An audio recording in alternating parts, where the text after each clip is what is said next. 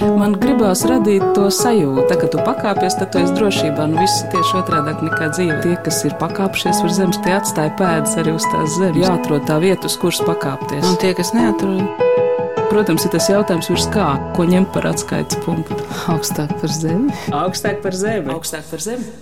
Labi, tad sāksim. Jā, labi. Varbūt mazliet pastāstiet par sevi, kā jūs gribētu ar sevi iepazīstināt, kas jūsu dzīvē ir galvenais.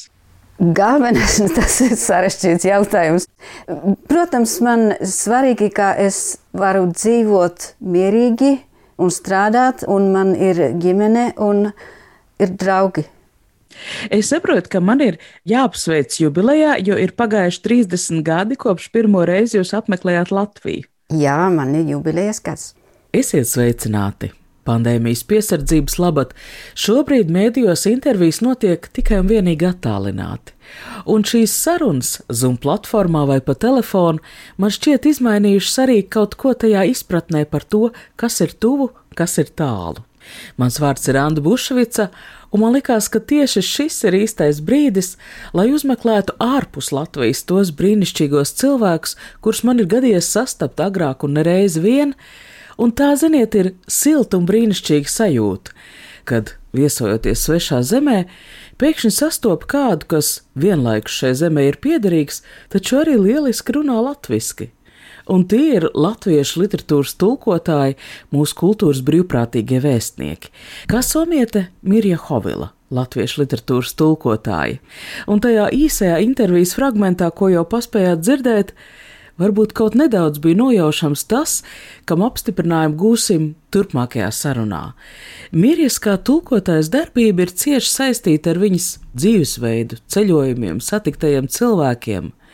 Uz Latviju viņa pirmo reizi atbrauca 1990. gadā kā turiste, taču šis nejauši izvēlētais ceļojums izvērtās par veselu pavērsienu viņas dzīvē, un šobrīd jau par Mirju Hovilu varam runāt kā par Vismas Belševicas billes, Juras Virgzdeņa bērnu grāmatu, Kārļa Vērdiņa dzējas arī Raiņu un Aspazijas sarakstes iedzīvinātāju somu valodā.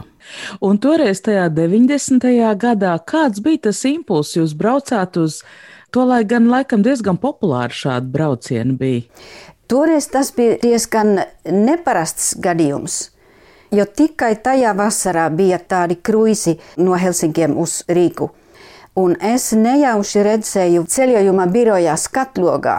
Bija tāds afišs, ka tagad eh, pārdot pēdējās biļetes uz kruīzi, ka normālā cena 1500 markas, tagad tikai 500 markas. Un tā es braucu uz turieni.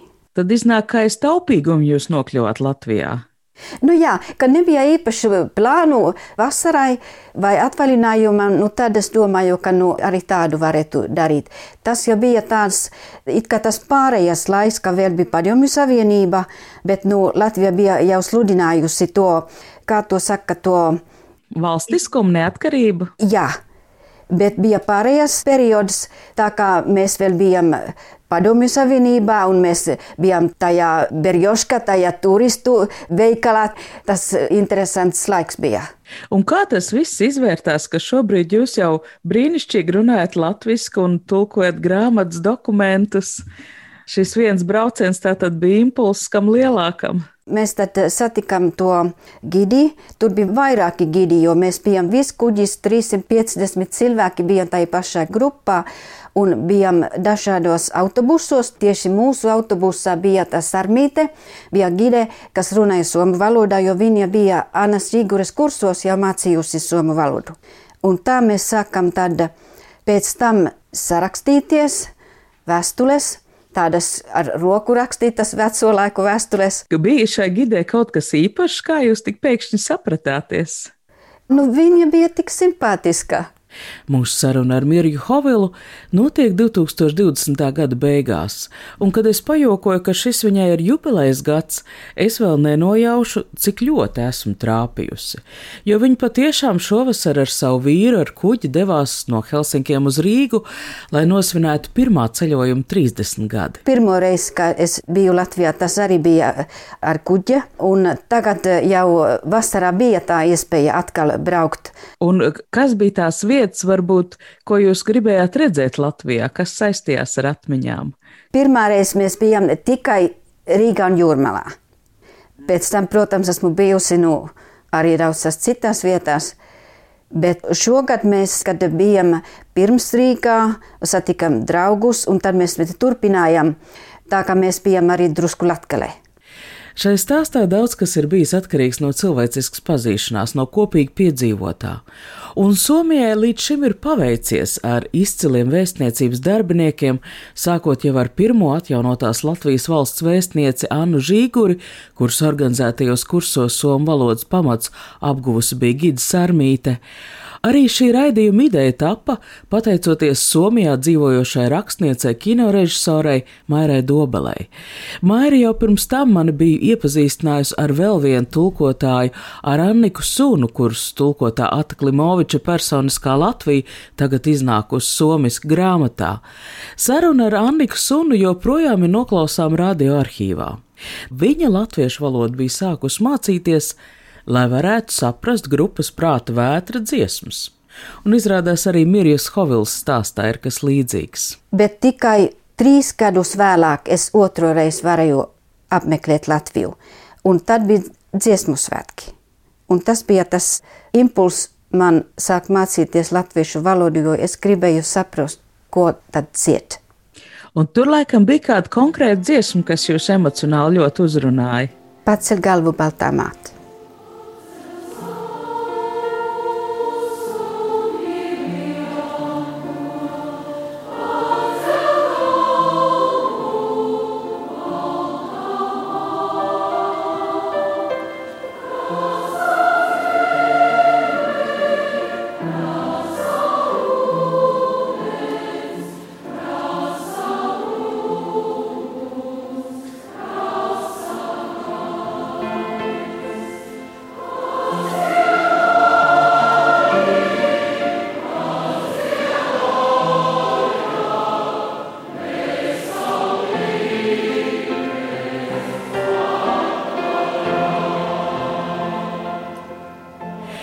Raimons Pauls, Jānis Peters. Šis ieraksts ir tapis 1993. gada dziesmu svētku noslēguma koncertā.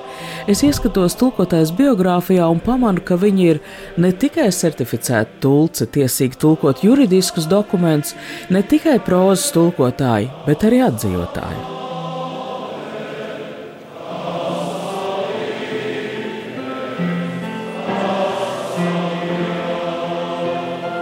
Jā, es atradu jūsu šai radošajā biogrāfijā arī, ka jūs atzējot dziesmu tekstus gan lieliem, gan maziem. Jums ir tik būtiska arī šī mūzikas klātbūtne. Nu, manuprāt, valoda un mūzika iet kopā. Kā abām ir kaut kas ļoti tāds kopīgs, valoda ir tāda muzikāla lieta. Mirja Hovila savā līdzinējā stāstā par attiecībām ar Latviju veiksmīgi apstiprina tēlu, kādu mēs latvieši paši par sevi esam radījuši, kā mums patīk par sevi domāt, kā par dziedātāju tautu, kā par Baltijas dziesmu svētku tradīcijas epicentru, bet varbūt arī tulkotājs izvēlē pievērsties Latvijai nekā liktenīgi nav. Galu galā valoda tā ir Mirjas Hovils profesija, un šī nav vienīgā valoda, ko viņa zina. Izlasot jūsu CV, es pamanīju, ka jūs nezinu, vai abroku pirkstu pietikt, lai saskaitītu tās valodas, kurās jūs vai nu runājat, vai vismaz ir pamatzināšanas. Es lasu zviedru, angļu, itāļu, norvēģu, vācu, franču, lietuviešu, dāņu, spāņu, latīņu, igauņu. Nu, kādu valodu labāk, kādu sliktāk, kādu latīņu, nu tā ļoti pasīvi, protams, vai dāņu arī runāt. Es nerunāju, bet, nu, saprast var. Jo, laikam, otra lielā valoda, kas jūs valdzina, ir itāļu valoda. Tā ir no tām valodām, kurās jūs brīvi runājat. Diezgan, jā, jā. Es universitātē sāku ar angļu valodu, bet tad vēlāk eh, paņēmu arī to itāļu un tad vēl mainīju tā, ka tā man bija tā specialitāte un arī diplomdarbu rakstīju par to. Sakiet, kāpēc garšas īpašībām, ja mēs valodu salīdzinām ar ēdieniem, kā atšķirās, nu kaut vai itāļu un latviešu valoda? Nu, itāļu valoda ir mūzika. Tā ir tik skanīga, tur pats skaņu īpatsvars ir ļoti liels pat lielāka nekā somu valoda. Garšas ziņā, nu, nu kaut kas tāds salds ēdiens. Un kā ir ar šīm ziemeļvalstu valodām, kā ir ar Baltijas valstu valodām? Kā tās atšķirās? Norvēģu, zviedru un dāņu valodas ir ļoti tuvas radinieces, un tās ir tādas stipras, tādas eh, pamatīgas, bet ne tik daudz ar garšvielām kā latviešu valodā. Kad ir tādas skaņas, tādas š, e, visas tās ž, un, jā, jā. Tie jūs uzrunā, lai gan savulaik valodnieki mēģināja tikt vaļā iespējami no šiem šņāceņiem, lai padarītu latviešu valodu tieši labskanīgāku. Vai tā? Es skatos jūsu biogrāfijā, ka jūs esat arī līdzautori sarunvārdnīcā Latviešu somu un arī strādājis pie īpašvārdu atveids. Sarunvārdnīca īstenībā jau pirms tam es biju līdzautore arī mācību grāmatai, kas pirmā mācību grāmata tieši somiem. Un arī jāliek lietā jūs kā valodnieces zināšanas. Tātad valoda vairs nebija tikai veids, kā saprast dziesmu tekstus, bet jums nācās viņas tajā skeletātai uzbūvē pamatīgi iedziļināties. Es vedinu Mirju Hovilu atcerēties, kāda bija situācija, kad pagājušā gadsimta 90. viņa sāka mācīties latviešu valodu, jo esmu jau dzirdējis no citiem valodu pratējiem, ka pēc dzelzs priekškara krišanas diezgan saprotams svešvalodās nebija diži daudz mācībām izmantojams literatūras. Un tā nu Mirja Hovila gan pati darbojasies kā pasniedzēja, mācījis latviešu valodu somiem, gan sastādījis 1999. un 2006. gadā iznākušās somu latviešu vārnīcas, gan arī līdzdarbojasies radot ieteikums somu personu vārdu un vietvārdu latviskošanai. Šobrīd tieši īpaši vārdu atveide joprojām ir diskutabla tēma. Jo ir tauts, kas izvēlas tos neatveidot, tā arī raksta oriģināla rakstībā. Tā mēs darām, jā, soma valodā, jā. Un kāds ir jūsu domas, vajag atveidot vai nevajag atveidot? Nu, ir gan labas puses tajā lietā, bet arī tādas problemātiskas puses, jo tas neveicina to, lai saprastu, kā īstenībā izrunāt tos vārdus, jo latviešu valodās trūkst zināmas skaņas. Un, piemēram, kartēs, kad ir vietvārdi, piemēram, franču vārdos ir, ir diezgan sarežģīti, jo viņiem tā pareizrakstība var ļoti īpatnēja, izruna pavisam cita. Ja grib, piemēram, notrast informāciju par to vietu vai to cilvēku, Ja, nu, piemēram, ka mums somu valodā ir tāda kā y, ö, ē, ja kāds cilvēks, piemēram, kāda pyri pjökki, tad latvietis raksta piri pieki, nu viņš pats nevar saprast, ka par viņu runā. Jau vairāk kārtīgi esmu minējis, ka Mirjas Hovils stāstā liela nozīme bijusi satiktajiem cilvēkiem. Un viena no viņai nozīmīgajām vietām ir starptautiskā rakstnieku un tulkotāja māja Ventspēlī kur viņa uzturējusies vairāk kārt. Nu jau kādu laiku Ventspils rakstnieku māja savus viesus cenšas iemūžināt arī video intervijās, un arī šobrīd YouTube vietnē atrodam pirms četriem gadiem tapusi intervija ar Miriju Hovilu un viņas vīru Sepo Hovilu, kurš arī ir interesanta personība, būdams skolotājs, programmētais, tulkotājs, viņš aizraujas arī ar fotografiju. Andris Akmentiņš vaicā Mirjai, vai viņas prāt tulkotājam ir svarīgi arī uzturēties klāt klātienē zemē, kurā runā viņas tulkojuma valodā. Tā kā nu, jā, var būt tāda dabiskā vidē, tādā, kur runā tajā valodā, no, jā. ko tulko, un tad to var dzirdēt katru dienu. Kaut vai pabūt šeit un, piemēram, veikalā redzēt visus, ka kas tur pēc etiķetes ir rakstīts par visādiem speciāliem termiņiem. Man liela interese un vispār tas satikt cilvēkus. Es nesmu ļoti. Es lasu, ka jums ir izveidojusies laba sadarbība ar Juris Virksdiņu. Jā, un tas bija arī man impulss vispār sākt to izdevniecību, jo mēs kopā bijām Ventspilī, tur rakstnieku un tulkotāju mājā pirms jau diezgan daudziem gadiem un, un sākam tad sadraudzēties. Tad es redzēju viņā to grāmatu Pirmā Ziemassvētku eglīte. Tā tad bija mūsu pirmā grāmata Paperiporo. Un Juris man teica, Mirja, tu tiešām gribi bankrotēties. Es vēl neesmu bankrotējusies, bet nu, Juris arī labi saprata, ka tas nav ekonomiski izdevīgi. Tūlīt raidījumā sekos Mirjas Hovils stāsta krāšņākā un neticamākā daļa. Lai varētu Somijā izdot latviešu autoru darbu tulkojums, viņa 2016. gadā nodibina pati savu izdevniecību - Paperi Poro.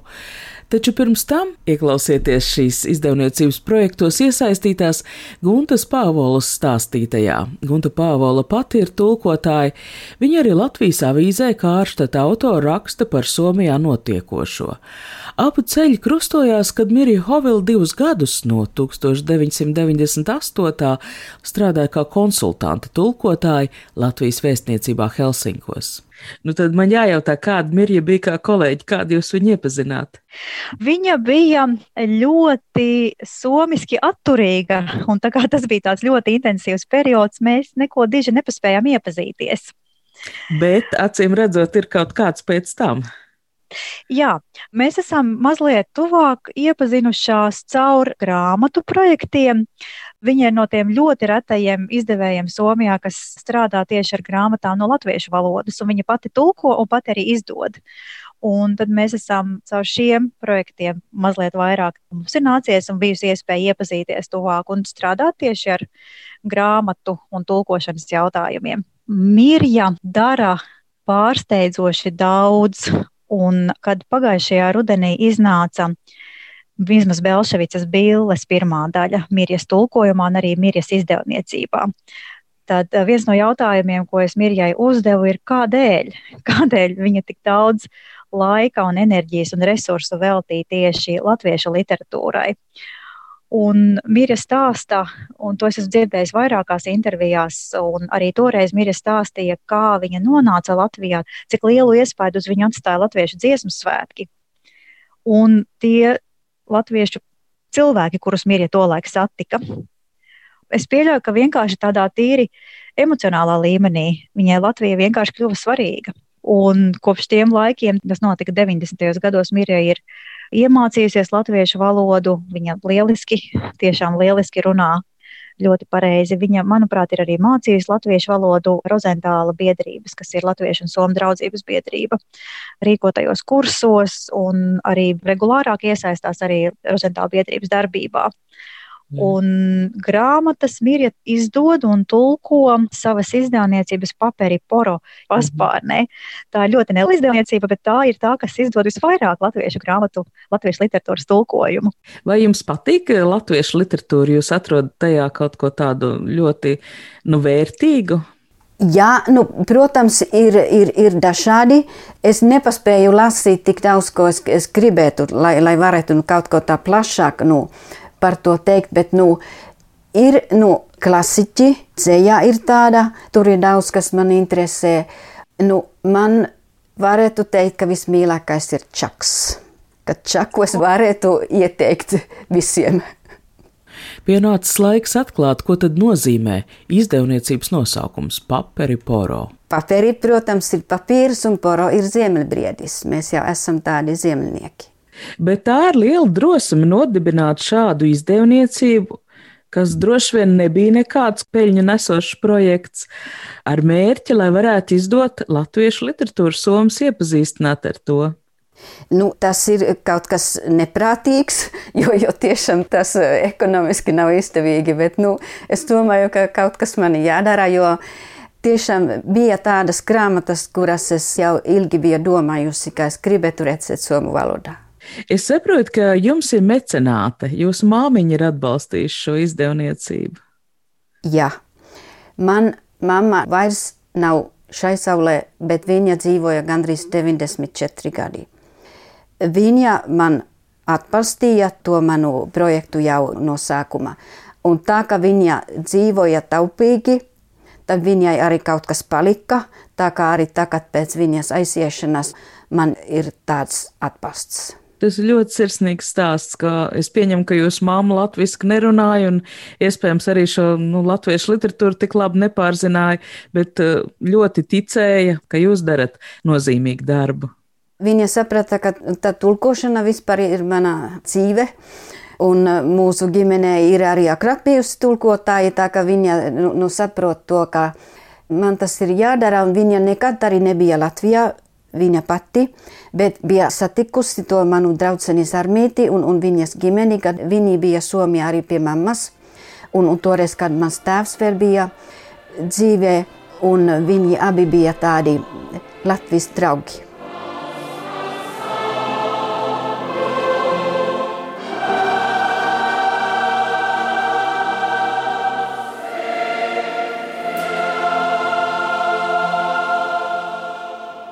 Man jāteic, ka šis stāsts par komerciāli neizdevīgu izdevniecību, kuras darbā iesaistās visa ģimene, par to misijas apziņu, man ļoti aizkustināja. Man tas liekas, viss šī raidījuma emocionālais centrs, un pēc stāstu uzklausīšanas gribējās kaut kā reaģēt, piecelties kājās, sarīkot kādu klusumu brīdi, un tad man iešāvās prātā, ka Mirjai Hovelai tik mīļā dziesma par balto māti šajā konkrētajā kontekstā iegūst jaunu nozīmi. Lai tad tulkotais ģimenei tiek aplausi, kas skan pēc šīs dziesmas 1993. gada dziesmu svētku noslēguma koncertā.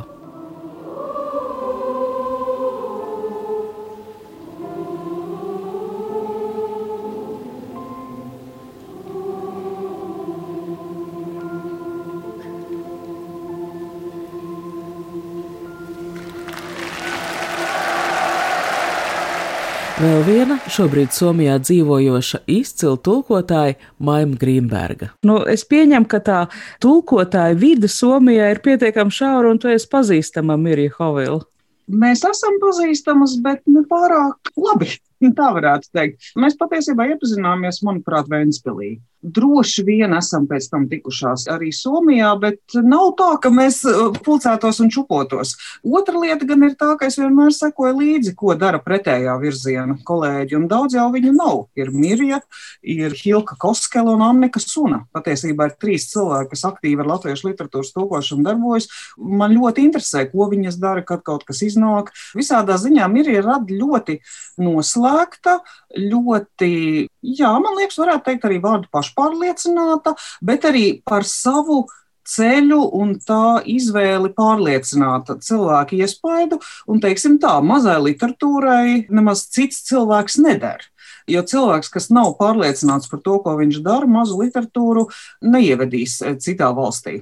Līdz ar to Mirja ir pilnīgi apbrīnojama persona ar savu ārkārtīgo neatlaidību un vēlmi tūkot latviešu literatūru. Varbūt tu vari pastāstīt par to, cik daudz eh, somi zina par latviešu literatūru. Varbūt tu kaut ko atceries no tā, kā tika uzņemti šie bildes tulkojumi. Somi, diemžēl, zina ļoti maz par latviešu literatūru. Lai gan it kā tieši pēdējie daži gadi varētu būt nu, pierādījums, ka tad, ja viņi zina maz, tad tā ir viņu pašu vaina, ka piedāvājums ir. Jo nu, atgādināsim, ka tā tad ir ne tikai šīs abas bildes grāmatas, ir arī Mirjas tūkotā Ingūnas cepītas Ulsiks, ir uh, Hilkas Koskelas tūkotā Māra Zālīte un Annika, kas nemitīgi darbojas. Ah, un par Raini, Rainis, protams, Rainis taču iznāca somiski. Taču Es ļoti melotu, ja es teiktu, ka latviešu literatūra tagad ir iekarojusi redzamu vietu. Un tas ir šausmīgi žēl, tāpēc, ka es pat savā ziņā man ir grūti izskaidrot, kāpēc. Jo Kristīna Našaniece, Latvijas vēstniece Somijā, ir darījusi to, ko, man liekas, vēstnieki parasti vispār nedara. Viņa ir aicinājusi uz semināriem Somijas izdevējus. Viņa tiešām ar viņiem kontaktējas, stāsta. Latvijas literatūra ir, ir darījusi savu darbu. Ir tagad arī tāda tulkotāja, ir Latvijas atbalsts. Un man īsti nav skaidrs, kāpēc tā saslēgšanās līdz galam nenotiek. Paldies Dievam, ka mums ir tātad eh, savi Latviju draugi, jo par Billi ir bijušas, es tomēr lietošu vārdu atsauksmi, tās nebija recenzijas. Bija pieteikums gan Helsinginas Sonomat, kur mums visiem labi pazīstamais Juka Rislaki bija rakstījis gan par Lēlo Tungalu, gan par Billes grāmatu, iepazīstinot, par ko ir šī grāmata, kas ir Vīzma Belševits, bet arī paslavējot tūkotāju. Un aptuveni tāda paša veida raksts bija arī lielajā turku avīzē Tur un Sanomat, kur arī lielais latviešu draugs Jogo Grenhelms bija uzrakstījis arī par tieši šīm pašām abām grāmatām, par Lēlo Tungalas pilsoni bērnu un par Billi. Mudrinājums turpināt tulkotājiem latviešu literatūras iepazīstināšanas darbu. Viņa rāva Billi prom sacīdama, nu nav ko ķīķerēt, ne tev kas bijis, nebūs. Kad es būšu bagāta, man būs. Nekad tu nebūsi bagāta. Kāpēc? Bagātie ir citas laka. Tie otram no rokām sakaltušu uts ādu izraus un vēl pirkstu nokodīs. Mums tas nav asinīs. Bille to uts ādu atcerējās, kad viņas jau iznāca uz brīvības ielas, pašas lepnākās. Tur ulmaņi viss nebija brūklenēs un zaķu staipekņos ievīti, bet zelta ielogos starp krizantēmu pušķiem un sarkanbalts sarkanām neļķēm, zīda karogiem dzeltenas bārkstis un gaišs kā dienā. Šis ir fragments no Billes radio iestudējuma aktrises Versinga Jevskas balss.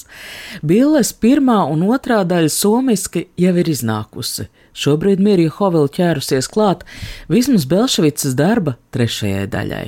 Tā grāmata ir tāda realistiska, nav par kādu ideālu dzīvi, nu, un tā kā dzīve bija ļoti tāda ierobežota, bet nu, tomēr tur ir kaut kas tāds pozitīvs. Tā valoda ir ļoti tāda interesanta un, un arī diezgan grūta tulkošanai. Kad sāk tulkot, nu tad vajag līdz pēdējiem saprast, kas tur ir un kas tur nav. Un man vajadzēja daudz arī konsultēties, un arī visi latvieši nebija vienisprātis, ko kaut kas nozīmē. Somijā Bīla iznāk reizē ar Lēlotu un Galo biedrs bērns ar Māras zālītes piecu pirkstu tulkojumiem, un tie visi ir stāsti par Somijas kaimiņu zemju pēckara gadu vēsturi. Starp citu, kara traumas skāra arī Mirjas Hovils ģimene. Jā, Es esmu kara auglis. Mani vecāki nekad nebūtu satikušies, ja tēvs varētu palikt tur Karēlijā, bet pēc kara, kad mēs zaudējām 10% no savas teritorijas un tēvu novietoja kaut kur Rietumsomijā, tad viņš satika manu mammu. Un tā es arī esmu pasaulē. Bīles pirmās daļas atvēršana notika Turku grāmattirgu, bet šoruden iznākusī Bīles otrā daļa sakrita ar pandēmijas ierobežojumu laiku. Mums bija liela atvēršana tiešraidē, kur mēs runājam par abām Bīles daļām. Tur mums bija arī vēsturnieks Zepo Ceterbergs, kas ļoti labi pārzina Baltijas valstu vēsturi un arī par to ir rakstījis. Kā notika bildes tulkojuma atklāšana tiešraidē, šis video joprojām ir atrodams YouTube vietnē internetā. Un vēl šī raidījuma tapšanā man jāpasaka paldies video māksliniekam Jānim Čirpītim. Viņš brauca 40 km tikai lai aizvestu Mirjai Hovilai kvalitatīvāku ierakstu tehniku, lai jums radio klausītāju sarunas laikā nebūtu jāklausās internetu sakaru krietni nekvalitatīvākajā skaņā. Un Jānis Čirpīts ir arī visu laiku klātesošs mūsu sarunā.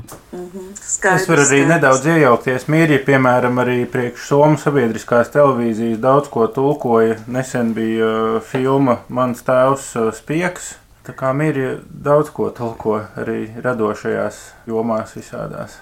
Un arī tās jaunās tās iemaņas, kas ir koronas dēļ, covid dēļ, ir uh, tas, ka tai tiešsaistē notika arī tā grāmatas atvēršana, un tur nebija dalībnieku. Un tieši uz tā rēķina arī, manuprāt, kaut kādā ziņā kompensēja to, ka nenotika nec Turku grāmatas tirgus, nec Helsinku grāmatas tirgus. Tāpat tās izdevās sasniegt vairākus simtus cilvēku, kas priekš nu, tādas pavisam, var teikt, nišas produkta, vismaz Belžītas grāmatas somu valodā bija diezgan liels sasniegums. Un tur arī bija daudz un labas atsauksmes, jo mēs arī ļoti augstu to latiņu nolikām, lai tā nav tikai runājošo galvu tiešraide. Mēs sadarbojāmies tiešraidē veidošanā ar Nacionālo kino centru. Mēs dabūjām bildi filmas failu un mums bija atļauja rādīt fragmentus. Mēs rādījām no Nacionālās bibliotekas arhīviem dažādas bildes par to laiku, gan par Ulmaņa laiku. Šis vēsturnieks runāja, nu, mums bija tāda ļoti dinamiska pieeja, lai noturētu to skatītāju uzmanību, jo tas ir tas, kas tagad pie tā visa informācijas satura piesātinājuma ir tas uh, izaicinājums, ka tu esi spiests censties pat par labu lietu iet vēl tālāk, lai noturētu tos skatītājus. Ar latviešu literatūras tulkotāju, arī draugu, mecenāti Mirju Hovilu sarunājās Anda Bušvica, šī raidījuma skaņoperators Valdis Raitums. Tā kā tu pakāpies, tad tu esi drošībā. Nu, viss ir tieši otrādi nekā dzīve. Tas ir tā spēle, jā. Tie, kas ir pakāpšies uz zemes, tie atstāja pēdas arī uz tās zemes. Protams, ir tas jautājums, ko ņemt par atskaites punktu. Nē, nu, principā ir skaidrs, augstāk par zemi. Jāatrod tā vieta, uz kuras pakāpties. Augstāk par zemi. Augstāk par zemi. Augstāk par zemi.